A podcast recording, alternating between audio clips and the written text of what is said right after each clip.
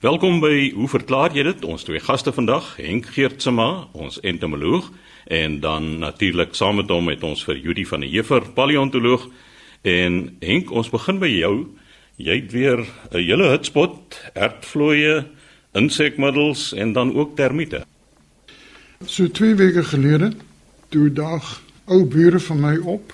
Hulle woon nou in uh, Pearly Beach met so 'n paar insekte wat niemand kan identifiseer nie. Volgens hulle is die insekte die huis vol die afgelope winter en natuurlik soos enige luisteraar sal weet, wil mense weet wat is dit en wat se skade indien die durasie doen en waar kom dit skielik vandaan? Nou ek het so 'n bietjie na die insekte gekyk. Dit was 'n bietjie uitgedroog, maar ek kon dit identifiseer die insekte is dan aardvlooie.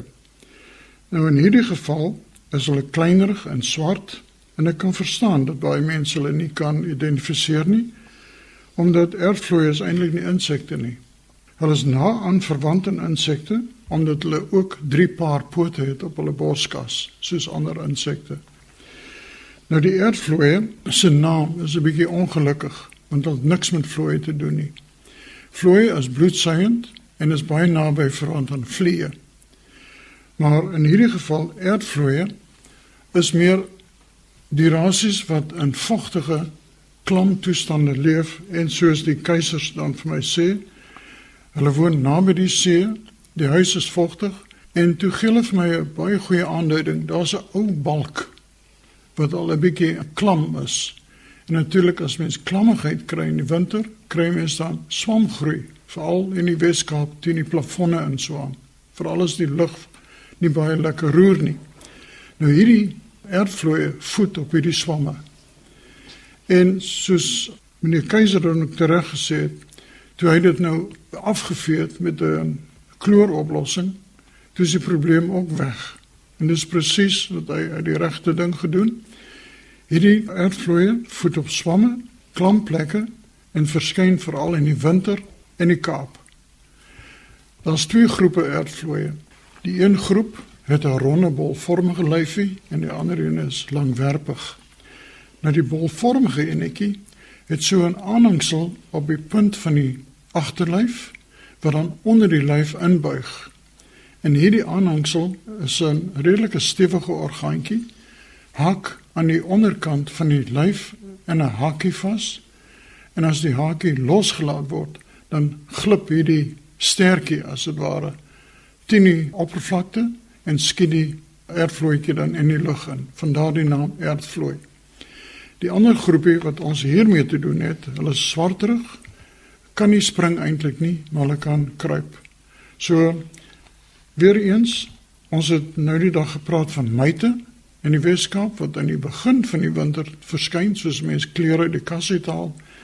Hier kry mense aan die einde van die winter kry te doen met aardvloeie. En so gou die atmosfeer uitdroog en so aan, verdwyn hulle ook weer en hulle getalle raak baie minder. Dan die tweede vraag wat ek hier het, is van Rosa Fouché. En sy vra vir insekdoder en hy noem sy handelsnaam wat mense in die huis gebruik om kort kort van die gif te spuit of dit skadelik is as dit elke dag gebruik word en sal dit nog effektief wees as mense dit net snags aansit. Nou ja, Alle gifstowwe word getoets betreffende hulle werking op die doelinsekte, byvoorbeeld mure of kakkerlakke of muskiete, maar ook op die neewwerking op byvoorbeeld die produk die mens aantas en sy huisdiere voordat so 'n middel deur die owerheid goedgekeur word vir verkoop en gebruik. Nou meeste van die insekdoders in die huis en die spuitbussies bevat een of ander sintetiese pyrethroïde Nou vroeër het mense grootskaals gebruik gemaak van paritrum. Ons ken almal die ou die reuk daarvan. As ek daarvan praat, ruik ek dit sommer. Nou paritrum word verkry uit 'n paritrum blom wat verwant is aan 'n Madelifie groep van plante. Nou paritrum is giftig vir meeste insekte, maar glad nie vir warmbloedige diere soos die mens en ander diere nie. Die produksie van paritrum is egter baie duur En daar is dus na sintetiese vervangers gesoek. En vandag is daar 'n hele reeks van die nuwer middels pyrethroides op die mark. As jy mens die insekdoder gebruik volgens die gebruiksaanwysing, sal die insekdoder geen nadelige effek op die mens en sy huisdiere hê nie, selfs al word dit elke dag gebruik. Op die vraag of dit nog effektief sal wees as 'n mens dit net snags gebruik, is die antwoord dieselfde. Die huishoudelike insekdoders is effektief of dit nou in die dag of in die nag gebruik word. Weerens wil ek dit beklemtoon dat die insekmiddels bedoel is om huishoudelike plaae te dood en solank die middels gebruik word soos voorgeskryf in die aanwysings en toepassing van voorsorgmaatreëls is daar geen probleem wat vir die mens of sy huisdier negatief sal raak nie. Nou baie dankie Rosa. Ek hoop jy het nou 'n antwoord op jou vraag gekry. Die derde aspek wat ek aanraak is die storie van fairy rings of fiki ringe, kringe. Nou Celeste Leroux stuur dan 'n brief en sy sê ek het onlangs na een van julle praatjies geluister oor die fairy rings en die verklaring daarvoor. 'n Vriendin het nou op haar foto's geplaas met die opmerking dat daar geen logiese verklaring hiervoor is nie. Nou vra sy wat presies is hierdie fietjie kringe? Nou, fietjie kringe op grasberg het twee oorsake. Die een is molkrieke en die ander een is 'n swamsiekte. As 'n mens kyk na die molkrieke, hulle is baie lief vir grasperke, veral as die gras 'n bietjie aan die lang kant is. Molkrieke is nog aktief, word aangelok na ligte en kom dikwels saans in die huise in. Laat loop sommer baie vinnig. Jy kan hulle amper nie vang nie. Maar die voedingsgewoontes van die molkriek, hulle leef in tonnels wat hulle in die grond grawe, veral in grasperke, en waarin hulle bedag skuil. In die nag kom hulle uit en versamel gras deur dit af te byt, sleep of dra dit tonnel toe en voed dan daarop in die dag. So mens sien hulle nie eintlik nie. Die gras in die omgewing van so 'n blyplek of tonnel mag dan kolkol kalerig lyk en uitkring maar nie noodwendig konsentries nie, baie kere happerig. En dit is ook nie baie groot kringe wat gemaak word nie. Die tweede oorsaak van fikeringe en dit hang af van die grootte verspreiding van die kolibie grasperk word deur 'n swam egter veroorsaak. En die swam se naam is Marasmius oreadus. Nou u weet as 'n mens asemhaal of in die lug kyk, is daar oral swamspore. So swamspore dryf oral rond. Nou hierdie spore van die swam wat hierdie fikeringe veroorsaak, is oor 'n grasperk en wanneer die toestande vir swamgroei ideaal is, met ander woorde vog, hoë humiditeit, hoë temperature, sal die spore in 'n grasperk beland en ontkiem. Die ontkiemende spoor vorm drade wat ons 'n mycelium noem wat in die grond tussen of onder die graswortelstelsel beland en dan in immer toenemende grootte in sirkels groei. Baie kere sien mense op die televisie, as mens na 'n mediese program kyk, sien mense hoe mense swamme in 'n petribakkie kweek. En jy sal sien dat die swamme het 'n neiging om altyd in konsentriese ringe uit te kring vanaf die punt van infeksie. En dis presies wat op 'n grasperk ook gebeur. Nou hierdie sirkels kan tot 12 meter deursnit wees. Op die rande van hierdie sirkels is die gras donkerder van kleur en dikwels groei daar paddestoeltjies op die rande van die uitbreek of die toestand. Nou 'n digte mat van die swamgroei of die mycelium ontwikkel in die grond en kan tot 200 mm diepte strek. Nou die swamgroei kompeteer met die graswortels vir voedingsstowwe en water en vorm die swamgroei dan 'n harde kos wat ondeurdrinkbaar is vir water en kan die gras doodgaan vanweë droogte. Met ander woorde, in die senter van die kring begin die gras dan doodgaan. Op die rand van die kring is die gras 'n bietjie meer donkergroen en dit is dan tipies 'n teken van hierdie sogenaamde fietjie-ring swamme. Nou die beheer, sodra die eerste tekens van 'n kring opmerkbaar word, is om die gras met 'n swamdoder te behandel. 'n Verdere vraag gaan oor termiete. En die vraag kom van Martelies Brink en sy sê: hoe weet reismure om op 'n gegeewe tyd na 'n reënbui uit die grond te borrel in die lug te vlieg en dan weer skynbaar 2-2 in die grond te verdwyn. Nou, die korrekte term vir reismuur is eintlik termiet. Die verskil tussen 'n reismuur, 'n muur dan en 'n termiet is deur te kyk na die bou van die insek. Insekte bestaan uit 'n kop, 'n borsgedeelte en 'n agterlyf. In die geval van termiete is die verbinding tussen die bors en die agterlyf is aaneenlopend terwyl die verbinding tussen die bors en die agterlyf by die mure is met 'n steeltjie. En dit is die groot verskil dan tussen die mure en termiete. So ons gebruik lieweste nie die woord termiete nie. Nou Hoe weet reismure om op 'n gegeewe tyd na 'n reënbui uit die grond te borrel en in lug in te vlieg en dan weer skynbaar 2-2 in die grond te verdwyn? Is 'n kort vraag, maar dis 'n lang storie. Die termietneste is van verskillende aard en grootte. Hulle kan wissel van 20 tot 30 individue tot kolonies van miljoene individue. Neste kan in byvoorbeeld muurproppe wees of in die grond of in bome, teen bome, onder klippe en veral in die bosveldstreke kry mens dan nie die muurshope. Die sleutel is tot die vraag is eintlik na 'n reënbui. Baie insekte, insluitende termiete, is uiters sensitief teenoor verandering in barometriese druk en weet byvoorbeeld dat met 'n lae drukstelsel reën verwag kan word. Dikwels sien mense selfs dae voordat die mens bewus raak van naderende reën, dat termiete, veral die grasdraad termiete, hoopies grond uit hulle tonnels opwerp ter voorbereiding van die komende reën. Nou termiete se vel is maar baie dun en verloor dus maklik vog. Net soos ander insekte, uitdroging is hulle groot probleem. Maar met 'n reënbou en hoë vogtigheid kan termiete hulle in die ooptes waag om voedsel soos gras, strooi en dis meer te versamel en in die nes in te dra. Termiete soos baie ander diere gehoorsaam die term gaan uit en vermeerder. In 'n sosiale struktuur van 'n termietnes, kolonie of termitarium is daar verskillende kaste of groepe van individue, elkeen met 'n eie soortige funksie of funksies.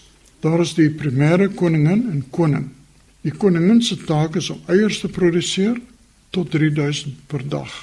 Van die grasdraande termietkoninginne kan tot 20 jaar of langer leef en aktief bly.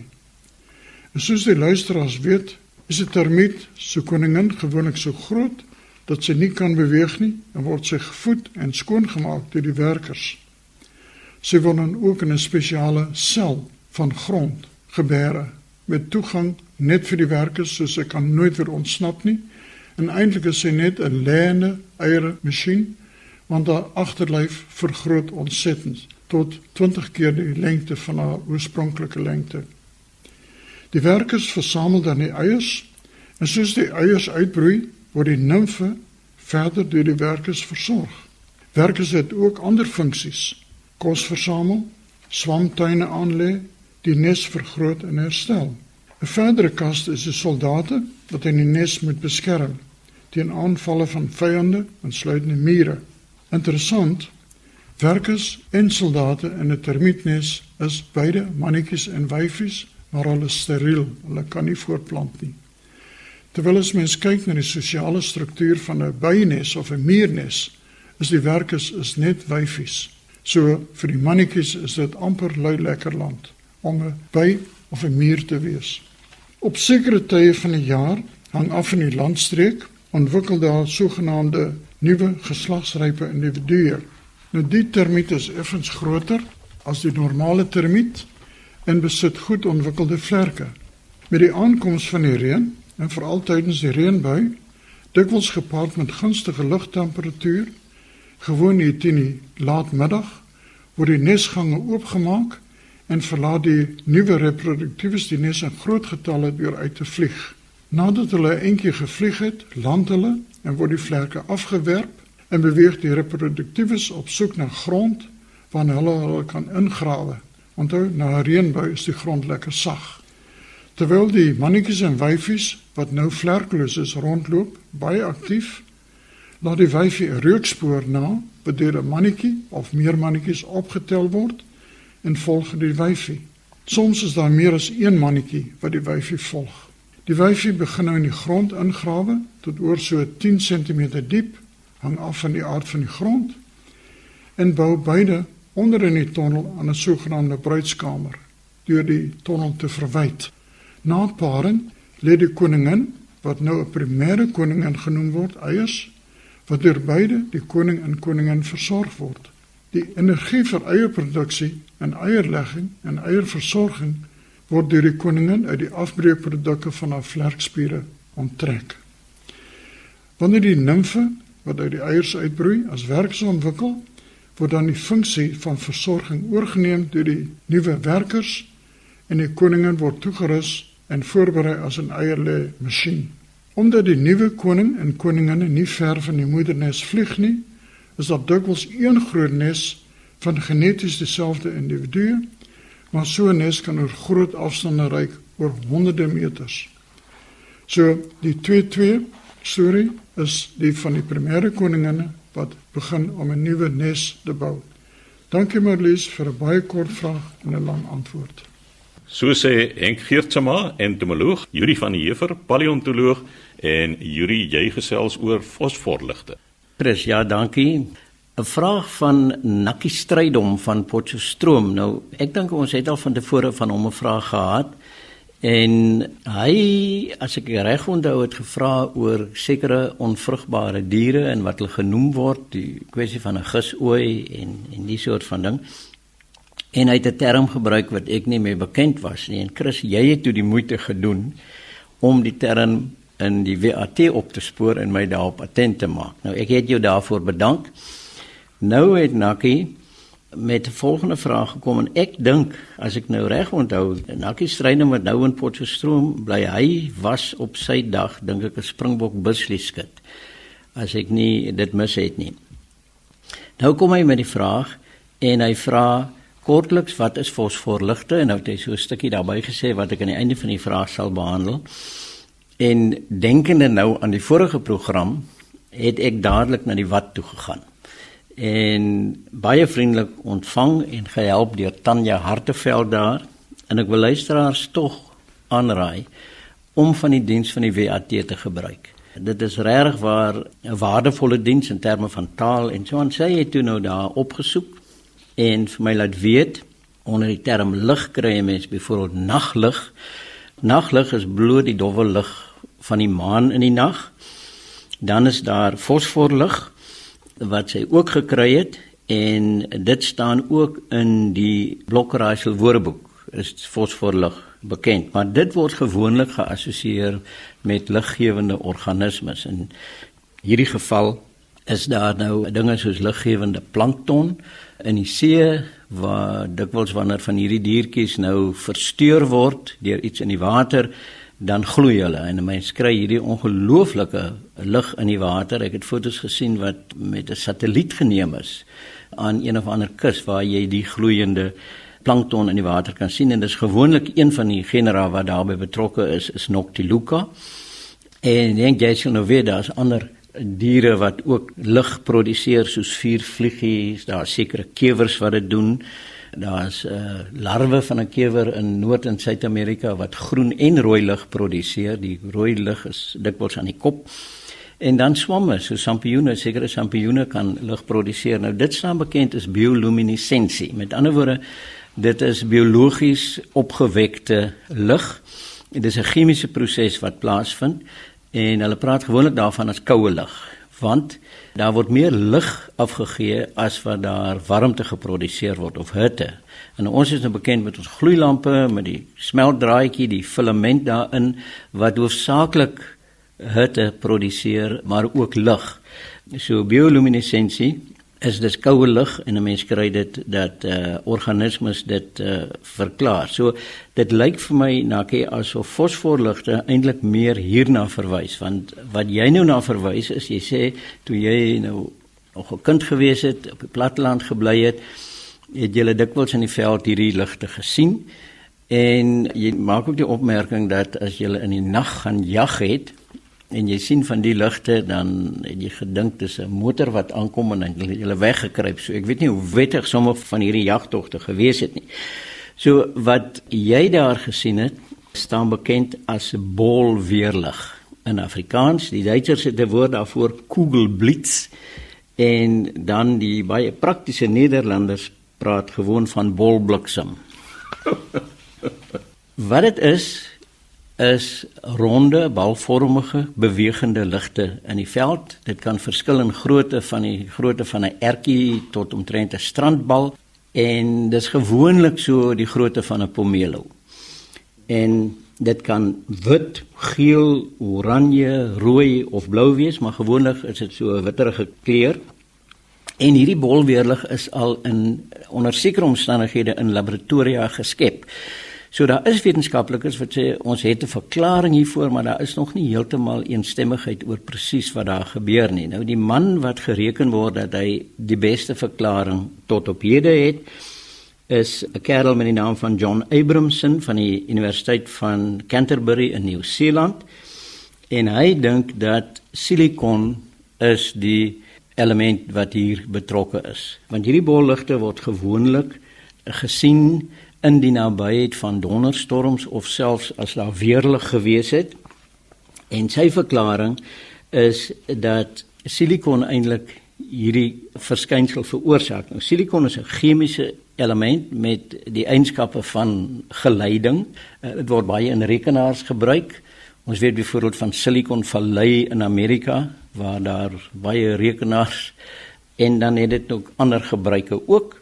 Nou silikon is die agste volopste element op aarde. Dit het die chemiese embleem van Si en as dit nou met suurstof bind dat jy SiO2 in dit is doodgewoon sand. So jy het silikon en silika, silika is die SiO2 weergawe daarvan. En wanneer 'n mens dan 'n donderstorm het of daar is weerlig en die weerlig straal slaan nou die grond raak, volgens hierdie kerel van Canterbury sê dan dat die silikon word dan in damp verander.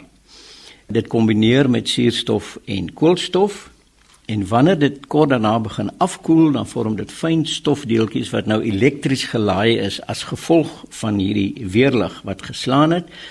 Dit bind op 'n sekere manier met mekaar en chemiese energie word vrygestel en dan gloei hierdie bol. En dan uiteindelik wanneer die silikon nou finaal uitgebrand is, dan gaan hy dood. Dit is dis 'n tydelike verskynsel en dit is wat mense sê wat dit ook al gesien het dat hierdie bewegende bolle lig 'n tyd lank bestaan en dan verdwyn dit. Nou Nakkie die een punt wat jy maak is jy sê julle het in die as kinders in die veld gejag en uh, hierdie goed gesien. Vandag sien jy dit nie meer nie en jy wil weet wat het daarvan geword. Nou Ek moet sê waar ek groot geword het, het ons ook baie tyd in die veld gespandeer en baie goed gesien wat ons vandag nie meer sien nie want op my ouderdom is ek nie so baie in die veld nie. So dit mag moontlik wees dat waar jy nou bly in Potchefstroom, gaan jy nie gedurig veld toe, jy sien baie in die veld gedurende die nag nie en uh, daarom sien jy nie die verskynsel nie. En dan moet ons ook aanvaar dat die, die klimatologies verander die aarde. Ons sit hier in die Weskaap nou met 'n verandering. Daar het geen reën in die winter geval nie. So ons kan ook nou vra wat het van die reën geword. En daar is 'n verklaring vir hoekom dit nou so droog word in die Weskaap. So ek hoop hierdie verklaring help vir jou en ek dink miskien as jy 'n bietjie tyd spandeer en meer veld toe gaan meer snagsveld toe gaan sal jy dalk weer bol weerlig sien. So sê Yuri van der Heever, ons paleontoloog, die tyd het ons weer ingehaal. Skryf gerus aan ons by hoe verklaar jy dit? Posbus 2551 Kaapstad 8000 of stuur 'n e-pos aan chris@rsg.co.za.